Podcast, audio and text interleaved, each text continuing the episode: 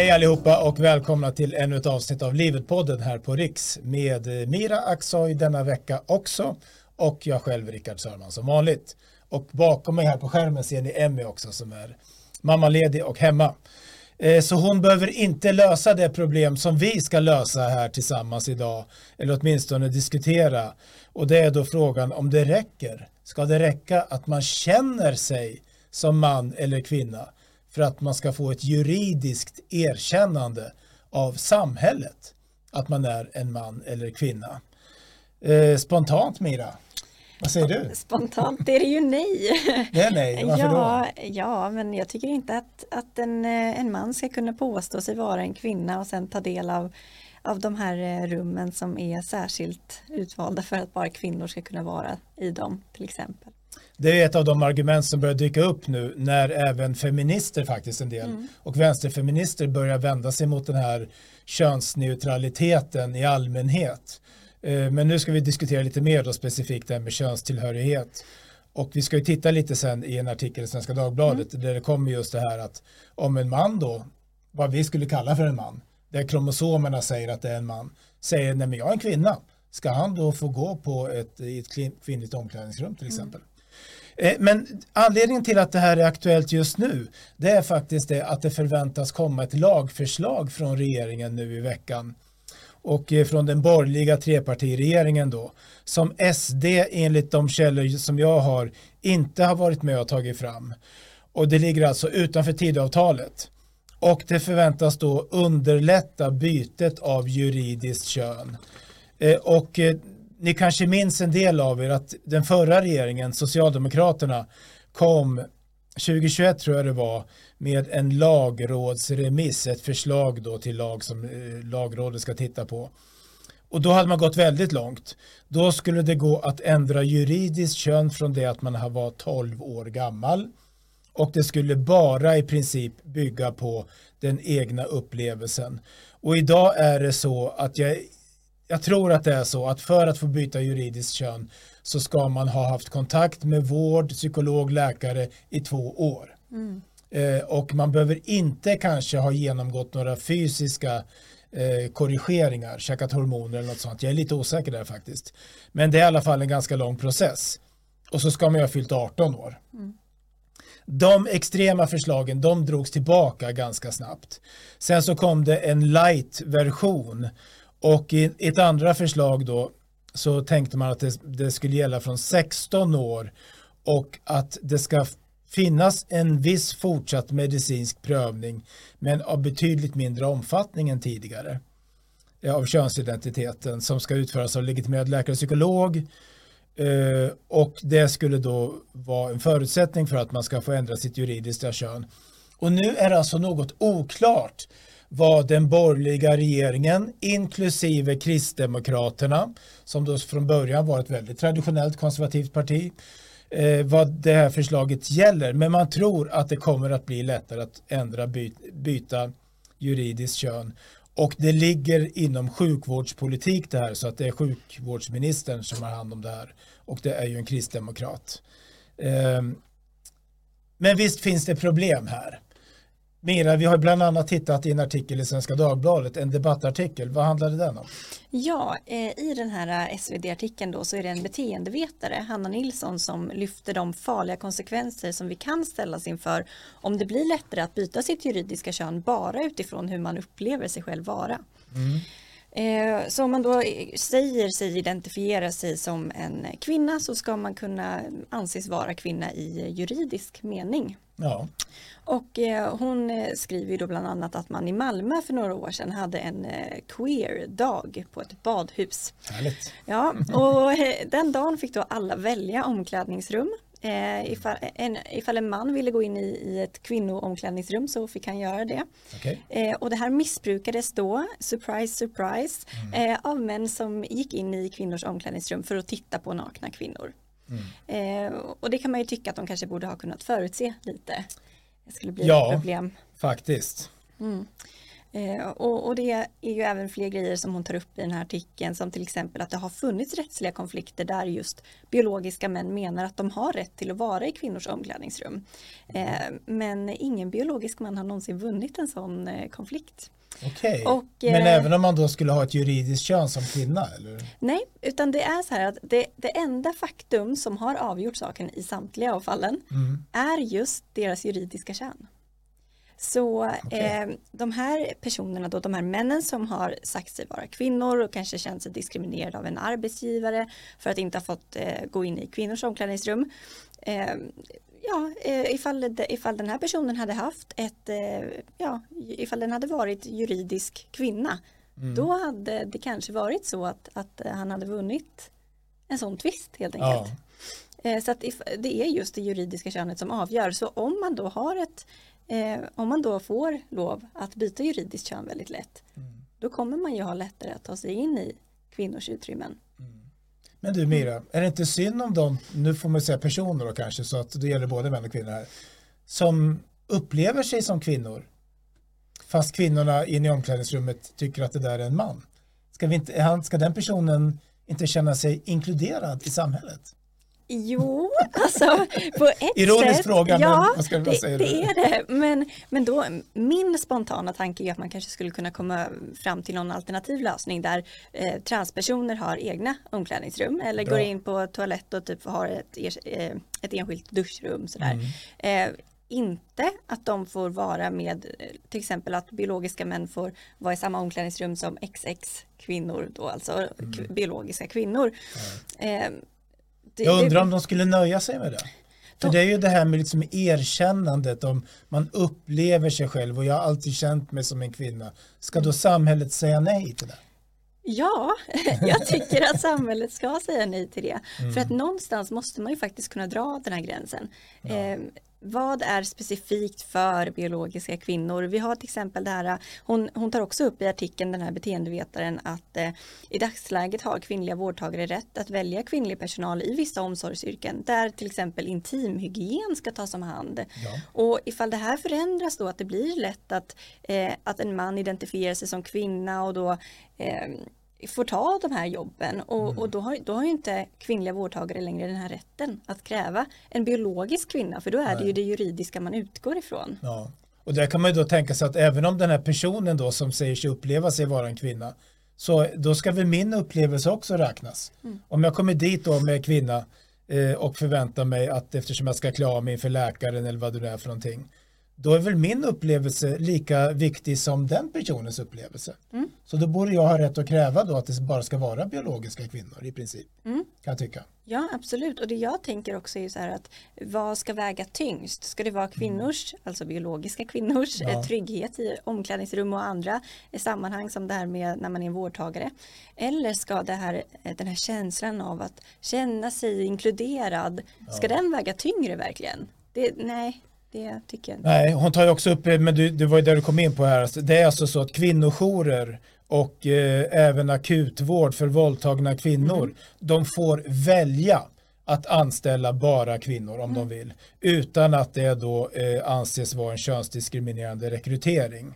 Ja. Eh, och det kan man ju förstå att om man eh, alltså, behöver skydd som kvinna för att man har fått stryk av män eller våldtagits, att det kan vara skönt att komma till ja och nu vet jag inte hur det är i Sverige, men jag vet i Italien till exempel, där fanns det ju eh, väntrum på, eh, jag tänkte just, jag vet att du har ju, har ju varit där i Florens mm. på tågstationen så fanns det väntrum bara för kvinnor. Yeah. Känner du igen det? Yeah.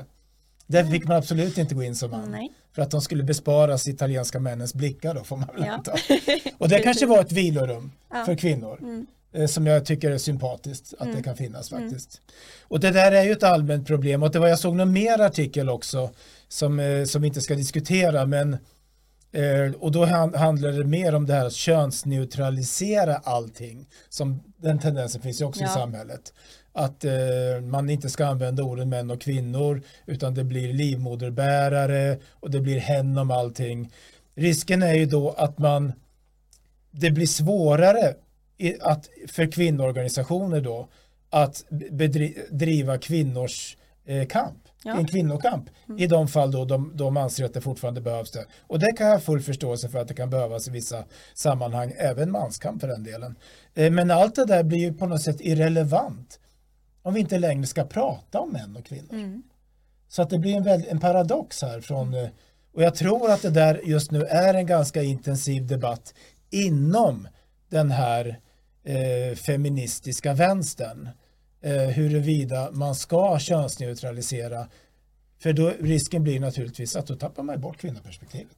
Absolut, och det är det som är så himla konstigt med feminister som säger sig stå upp för kvinnors rättigheter och, och Mm. tänka mycket på kvinnor när man gör det motsatta i praktiken. För att, eh, låt säga så här då, jag brukar referera till biologiska kvinnor som XX-kvinnor. Okej. Men det ska jag ju egentligen inte behöva göra, alltså i sådana här sammanhang. Nej. Utan det ska ju räcka med att jag säger kvinnor så förstår ju alla vad jag menar. Ja. Eh, och ifall man ska också börja gå åt det hållet att man ska behöva uttryckligen säga eh, kromosomerna som tillhör ett kön. Ja, det. Eh, ska det också vara kränkande då? Alltså ska, om jag säger XX, ska någon kunna säga men jag identifierar mig som XX? Ja, det kan man alltså göra. hur, Just hur det. långdraget kan det bli Just det. liksom? Mm. Hur, hur långt kan det gå? Ja. Eh, ja, och det här med ja, kvinnors rätt till trygghet och integritet. Ja. Det, den försvinner ju helt i samband med det här. Ja. Om man nu inte får lov att prata om ens vad en man är och vad en kvinna är och vem som ska ha rätt till vad. Mm. Och det blir helt absurt när man har det som man ser i USA att män då eh, eller vad blir det, XY-kvinnor eller vad ska man säga? Ja, precis. Eh, Ja. s- som eh, identifierar sig som kvinnor som kanske också till viss del genomgår går en viss könskorrigering när de sen då är tävlar i, i kvinnor bland kvinnorna i idrotter och bara vinner. eh, Det blir helt absurt. Ja.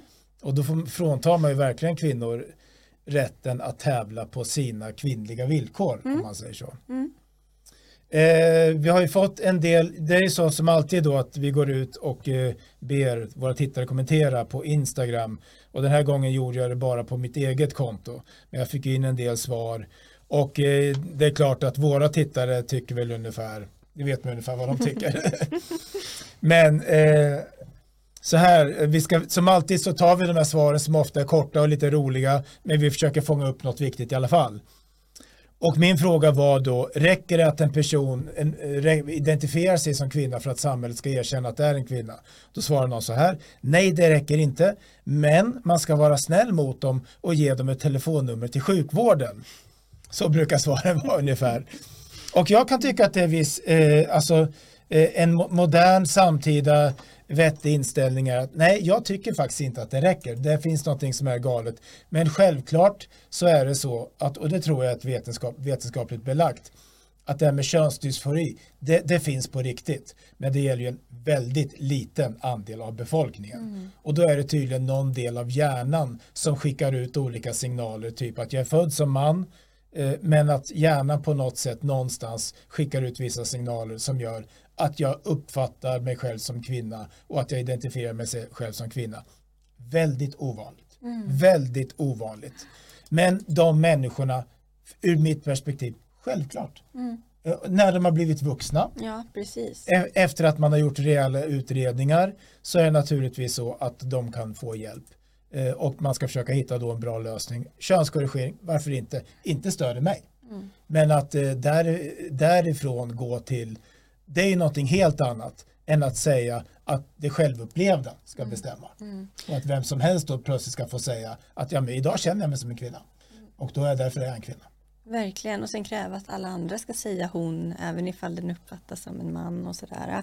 Eh, och sen finns det ju faktiskt en annan, en annan tanke som jag har och det är ju det här som du, du var lite inne på det här med köns, eh, en sån könsbytesoperation eller vad man ska säga.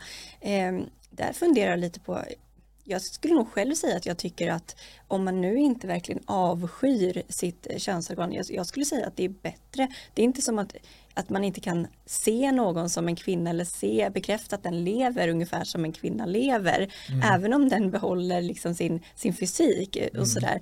Eh, utan jag kan, ja, det, just, det är en balansgång där med eh, vad som är, eh, vad ska man säga, psykiskt och psykisk Ja. ohälsa och vad som ska göras i, eh, ja, i praktiken, operationsmässigt och sådär. Just det. Eh, Men är du emot att man överhuvudtaget opererar? Nej, nej det är jag inte. Kanske eventuellt eh, att det inte ska genomföras med skattepengar. okay. skulle jag säga. Mm. Men sen så tycker jag att alla vuxna får göra vad de vill. Det är när det är barn som dras in som jag har problem med över, överhuvudtaget. Just det. Men just vuxna tycker jag ska få bestämma det själva. Mm. Eh, någon annan skrev så här och jag tror, och det var det jag tänkte säga på, på det du sa. Eh, många män, eller många, men några, den gamla trubaduren Cornelis Vreeswijk åkte ut för det på 70-talet, att han raggade upp två kvinnor och så fick han hem dem och så upptäckte han att det inte var kvinnor. Mm, just det, ja. eh, och så skrev han en visa om det sen. Och jag har själv eh, jag har haft någon person sådär som jag absolut inte, har, inte ens har träffat fysiskt. Jag tänker inte berätta om mitt liv så det spelar ingen roll. Eh, men där jag faktiskt tänkte att ja, det där är en kvinna. Och sen så förstod jag att den kvinnan hade ett manligt könsorgan mm. kvar. Mm. Men var så kvinnlig ja. i sitt sätt. Mm. Och hade väl genomgått då antagligen eh, hormonbehandling mm, antar jag. Mm. Så att jag förstår vad du menar. Ja, precis. Att, att, eh, jag vet inte om jag formulerade mig konstigt men det jag menar är egentligen att bara... Det är känsliga saker. Ja men precis, det är väldigt känsliga saker och det jag tänker på är lite så här att, att för mig krävs det inte alltså att någon opererar bort sitt manliga könsorgan Nej. för att jag ska kunna acceptera att den lever som kvinna. Det var dit mm. jag ville komma. Men inte in i de här eh, öronmärkta kvinnliga områdena som till exempel omklädningsrum. Där Nej, tycker jag, jag att det kanske ska finnas separata. Men jag menar inte att det ska vara något krav att man ska börja operera i sitt könsorgan bara för att kunna få leva så som man känner att man vill. Ja. Så, eh, och jag tror att alla människor som har rört sig i det svenska samhället de senaste 20 åren har säkert gått slentrianmässigt tänkt ja det kommer en kvinna till och så kanske inte var Precis. Det vill säga att det finns mängder av transpersoner då som ja. verkligen passerar. Ja. Och det var någon som skrev här också, en, en annan tittare, eh, socialt måste man ju passera för att det ska fungera. Och då tror jag att personen menar att, att det måste ju funka, alltså illusionstricket så att säga mm. måste ju funka för att människor faktiskt ska identifiera den här personen som en kvinna. Mm. Så att och det är också en annan dimension. Vad är det för mening att jag, om jag som man och som absolut inte har genomgått någon, någon operation eller någon hormonbehandling, imorgon känner mig som kvinna. Och så efter ett, några månader så kommer jag få ett juridiskt erkännande som kvinna. Men alla omkring säger, men herregud, det är en man. Ja. Vad har det då för värde? Mm. Nej, precis. Om jag, om jag då vid varje gång får liksom förklara, nej men jag är en kvinna. Mm. Det, då det ju, blir det väldigt märkligt. Det så det finns ju den dimensionen också. Ja, precis.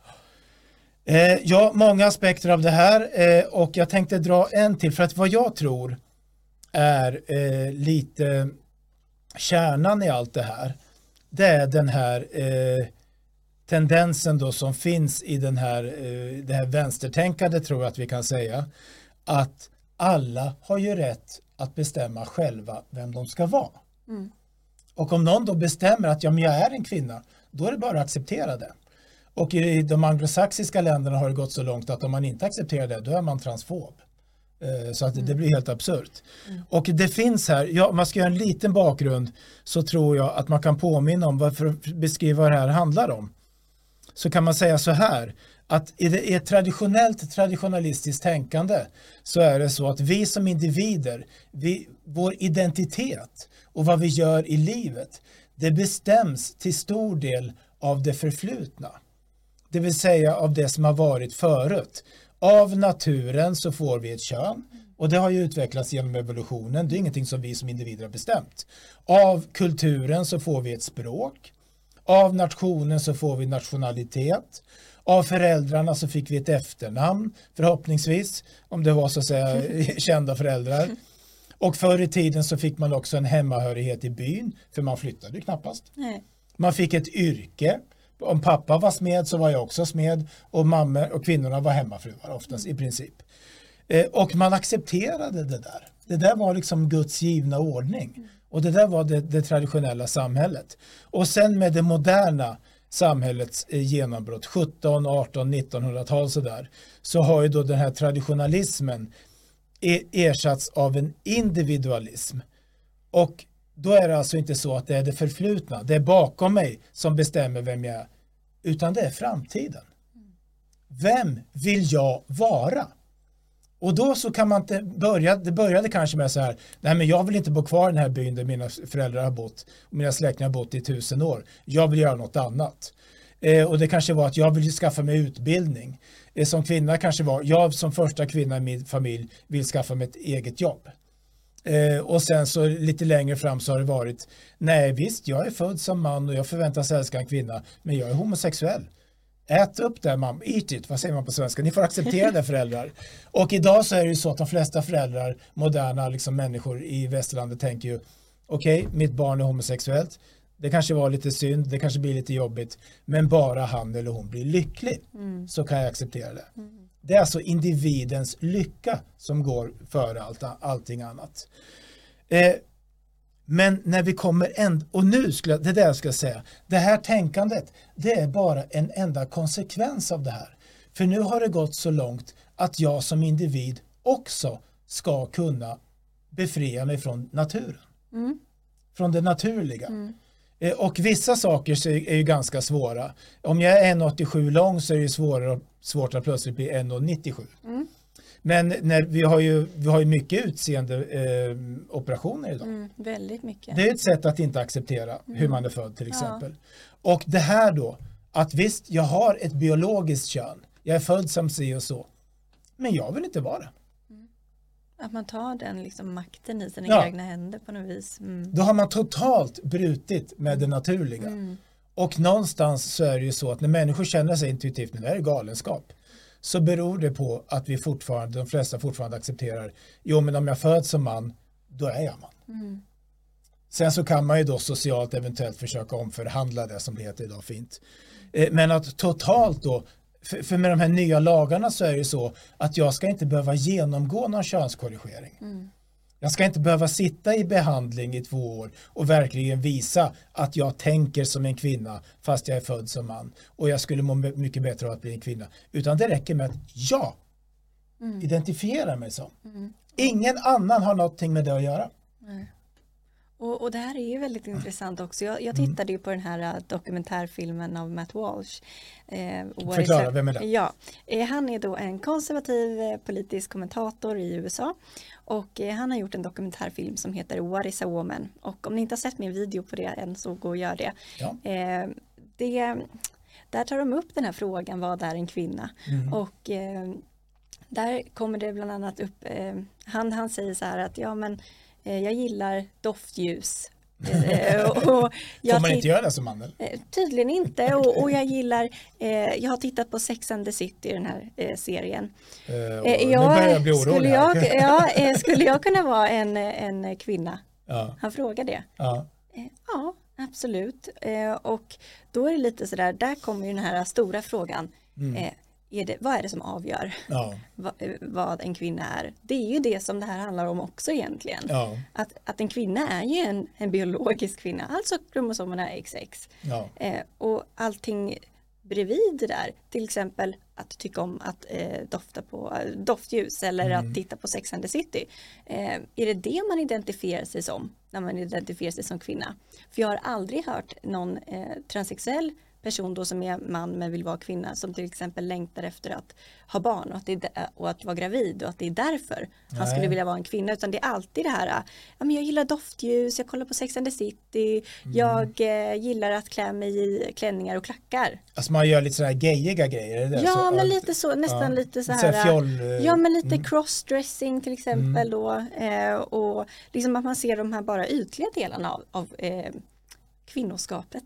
Ja, kvinnligheten kanske. Kvinnligheten. Ja. ja. Men de kan man ju även som man då be bejaka. Man får vara precis. man och, och, titta på Sex and the City. Ja, precis. Och vad är det man identifierar sig som egentligen? Ja. Det är dit jag vill komma. Liksom, vad är det man identifierar sig som när man säger att man identifierar sig som det motsatta könet? Är det som de här kulturella Just eh, som eh, könsnormer eller vad man ska säga, könsroller? Mm. Eh, eller är det det rent biologiska? Ja, jag fattar. Just det. det det, men, men det där, det är ändå, jag har alltid fascinerats av de här människorna som gör eh, operationer mm. och som börjar liksom skära bort och eh, ändra. Alltså vilka ingrepp. Mm, mm. Det är starka grejer i alla fall. Ja. Eh, så att om, om det sker då med människor, vuxna, psykiskt liksom stabila som vet vad de gör, Okej, okay, visst, du pratar om vem som ska betala, det kan vi också diskutera mm. kanske. Men det är ändå liksom att de vågar. Alltså. Ja, det är ju alltså stora risker man tar, hälsorisker alltså. Ja, eh, det och sen det måste vara svårt att eh, gå tillbaka sen också. Ja, antar jag. Det blir ju irreversibelt på något sätt. Ja, eh, det finns ju nu en, en rörelse som är på uppgång, speciellt i USA, Mm. eh, där det har skett många eh, könsbytesoperationer eh, även bland unga. Och då är det många unga kvinnor framförallt som har tagit testosteron eh, och sen ångrat sig och, och tänker att nej förresten, jag är visst en kvinna, det här är någon konstig fas jag hade. Och så ska de försöka bli kvinnor igen och så har rösten till exempel redan förändrats så pass mycket Ja. Mm. att, att hon låter som en man. Så då kommer samhället alltid uppfatta henne som en man som försöker vara en kvinna. Ja, när det egentligen är sådär att den har varit en kvinna, försökt bli då en man och sen ångrat sig och sen gått tillbaka men haft de här irreversibla ingreppen gjorda redan, hormon, hormonellt och kanske även gått ännu längre i vissa fall. Och det här har ju blivit en, en stor debatt i USA framförallt då. Eh, Vi hade ju även i Sverige för några år sedan ett program på Uppdrag granskning tror jag det var Mm. i SVT när de gjorde en granskning av det här. Och då handlade det om det här att de här könskorrigerande behandlingarna hade satts in på ungdomar då, eller barn som man brukar säga, som var under 18 år. ja, Och att det hade börjat, eh, dels så hade man, hade man inte koll på hälsoriskerna. Eh, kunde finnas eventuellt förhöjd cancerrisk längre fram Mm. och så vidare. Och sen det här att det en del också hade börjat ångra sig. Mm. Och då kommer vi naturligtvis få det här, vi fick ingen information från vården, vi lurades. Då kan jag känna lite så här, ja okej men det kanske var du som låg på. Eh, en, det finns flera risker här. En risk är att det faktiskt att det kan vara en galen förälder som ligger på. ja, precis lite Münchhausen by proxy Exakt. vibes. Ja. Det kan det vara. Som har kämpat liksom med alla de här instanserna för att det här barnet måste bli sett Ja. liksom och så vidare. Och så blir barnet mest, mest ett offer. Ja. Eh, det där eh, känner jag till lite grann av olika anledningar. Mm. Eh, så det är ett problem. Och det, det som hänger ihop med det här också det är ju det att man har ju sett en sån ökning de senaste åren av unga autistiska tjejer som plötsligt vill bli killar. Mm. Och ofta har de ju så att säga, ett, eftersom de är ofta är de autister och har då andra även diagnoser eller eh, psykosociala problem. Och så kommer det till då det här med könsdysforin. Mm. Eh, och då är, verkar det ju väldigt oförsiktigt att inleda en könskorrigerande behandling. Och speciellt om det då kommer flera samtidigt. Som om det skulle vara ett slags mode nästan. Mm. ja, absolut. Eh, absolut. och vad tänker du om det? Men ska, måste, ska inte samhället bromsa då? Jo, samhället måste bromsa här. Ja, Alltså det, det, att det sker bla- på barn eller ungdomar, alltså det är helt oacceptabelt. ja. Det var ju en, eh, var det en 18-åring, jag tror att det var i samband med den där eh, Uppdrag granskningsepisoden där eh, Mm. om en 18-åring här i Sverige alltså som hade fått eh, benskörhet. Eh, och det var Okej. på grund av eh, hormoner. Mm. Eh, det var då en eh, tjej, tror jag om jag inte minns helt fel, eh, som då skulle bli kille och tog testosteron och om det blev någonting med östrogenbrist Mm. eller någonting då som ju är en risk för benskörhet Okej, och fick det som 18-åring. ja visst. Det är ju helt galet, alltså det får inte ske, det borde vara brottsligt alltså. Jag Ja. tycker att det är helt sjukt att det får gå till så, eller fick. Jag Ja. tror att det ändrades därefter. Ja, det kanske har gjorts det. Eh, Och eh, det riskerar ju att bli en, jag tycker att läkarkåren borde vara lite försiktig här. För det är ju legitimerade läkare som ändå på något sätt godkänner det här. Ja, Eh, Och de borde tänka lite framåt att undvika framtida skandaler Mm. med så vad höll ni på med? Vi har ju haft de här de här apatiska barnen till Ja. exempel som man i efterhand har ifrågasatt verkligen liksom Ja. läkarnas kompetens. Och, Ja. eh, jag tittade också lite på RFSL, Riksförbundet för sexuellt likaberättigande som då är, då är hbtq-rörelsens organisation kan man väl säga. Mm. Vad de tycker om det här. Och de är ju helt eh, reservationslöst för en, en stark, radi, eh, vad ska vi kalla, en liberalisering heter det, när man plötsligt ska bara tillåta allting. De skriver så här, eh, med anledning då av att det ska komma nu ett nytt lagförslag som vi ännu inte faktiskt inte vet hur det ser ut. Men om vi, de vill ha en lag där det ska vara tillåtet från 12 år att byta kön med föräldrarnas till, till, till eh, acceptans och det ska bara vara en administrativ process. De skriver så här. En ny lag skulle förbättra livsvillkoren för många transpersoner i Sverige och vi har väntat länge nog nu. Och den nuvarande lagen finns sedan 1972. Sverige behöver en ny och modern könstillhörighetslag där ändring av juridiskt kön blir en enkel administrativ process. Så att man, eh, eh man ringer till Skatteverket typ och så här. Eh, som utgår från självbestämmande och självidentifikation. Mm. Så att då ska 12-åringar då med hjälp av föräldrarna förvisso eller sen 18-åringar och även vuxna känna att jag själv, jag identifierar mig som kvinna och då ska jag snabbt och enkelt kunna hantera det med skattemyndigheten. Det är helt galet. Ja. Som om man själv skulle kunna bestämma det till att börja med. Nej. Vilket, alltså, nej. nej. Det är verkligen det med individualismen som, dras, igen. Som ja. dras till sin spets på något sätt. Vi är ju ändå flockvarelser, vi lever i, ett samhälle, vi har en tillhörighet, vi måste betala skatt, vi måste gå i skola, snart kanske alla måste göra värnplikt. Alltså vi är inte, det är det som är de här libertarianernas stora misstag. Vi människor är inte självgående enheter som bara lever som, som en liten partikel i ett universum. Nej. Och även på den här nivån så är det så att det kanske är viktigt för människor att veta vem är jag för andra och Mm. sådär och att det finns någon lite ordning och reda. Ja, ja men verkligen, verkligen. Man kan inte ignorera allt, all Nej. fakta sådär. Du, jag tänkte, tiden går, vi ska sluta snart, men jag tänkte Ja. bara en sak till här. Det slog ju då mig att, vi, att de kommentarer vi fick som kom in och de lät ungefär så här. Eh, möjligtvis kan man vara kvinna i sitt eget huvud, men inte när det kommer till faktisk kvinnlighet. Den, det, var- det var så de flesta skrev ungefär. Ja. Och jag tror att människor blir mer negativa till det här med könskorrigering som jag då tycker att vuxna människor som verkligen lider av könsdysfori ska, ska, få, ska få göra. De blir mer negativa än vad de skulle behöva vara eftersom man ständigt får den här hbtq-propagandan uppkörd i halsen i samhället. Jag uttrycker mig lite klumpigt där, men jag tror du förstår vad jag menar. Ja. Att det, menar, för det här berör ju en liten, liten minoritet av människor. Mm. De flesta människor är till att börja med heterosexuella och har inga som helst problem med sin könsidentitet. Mm. Ändå ska det här vara ett ständigt närvarande i samhället. ja. Alla ska heta hen, även om de flesta identifierar sig som han eller hon. Mm. Alla offentliga byggnader ska ha prideflaggan på. Just det. Mm. Det ska blandas in det här med sexualitet och sådär. Det ska blandas in i allas vardag på något vis. Ja. Eh, och, ja.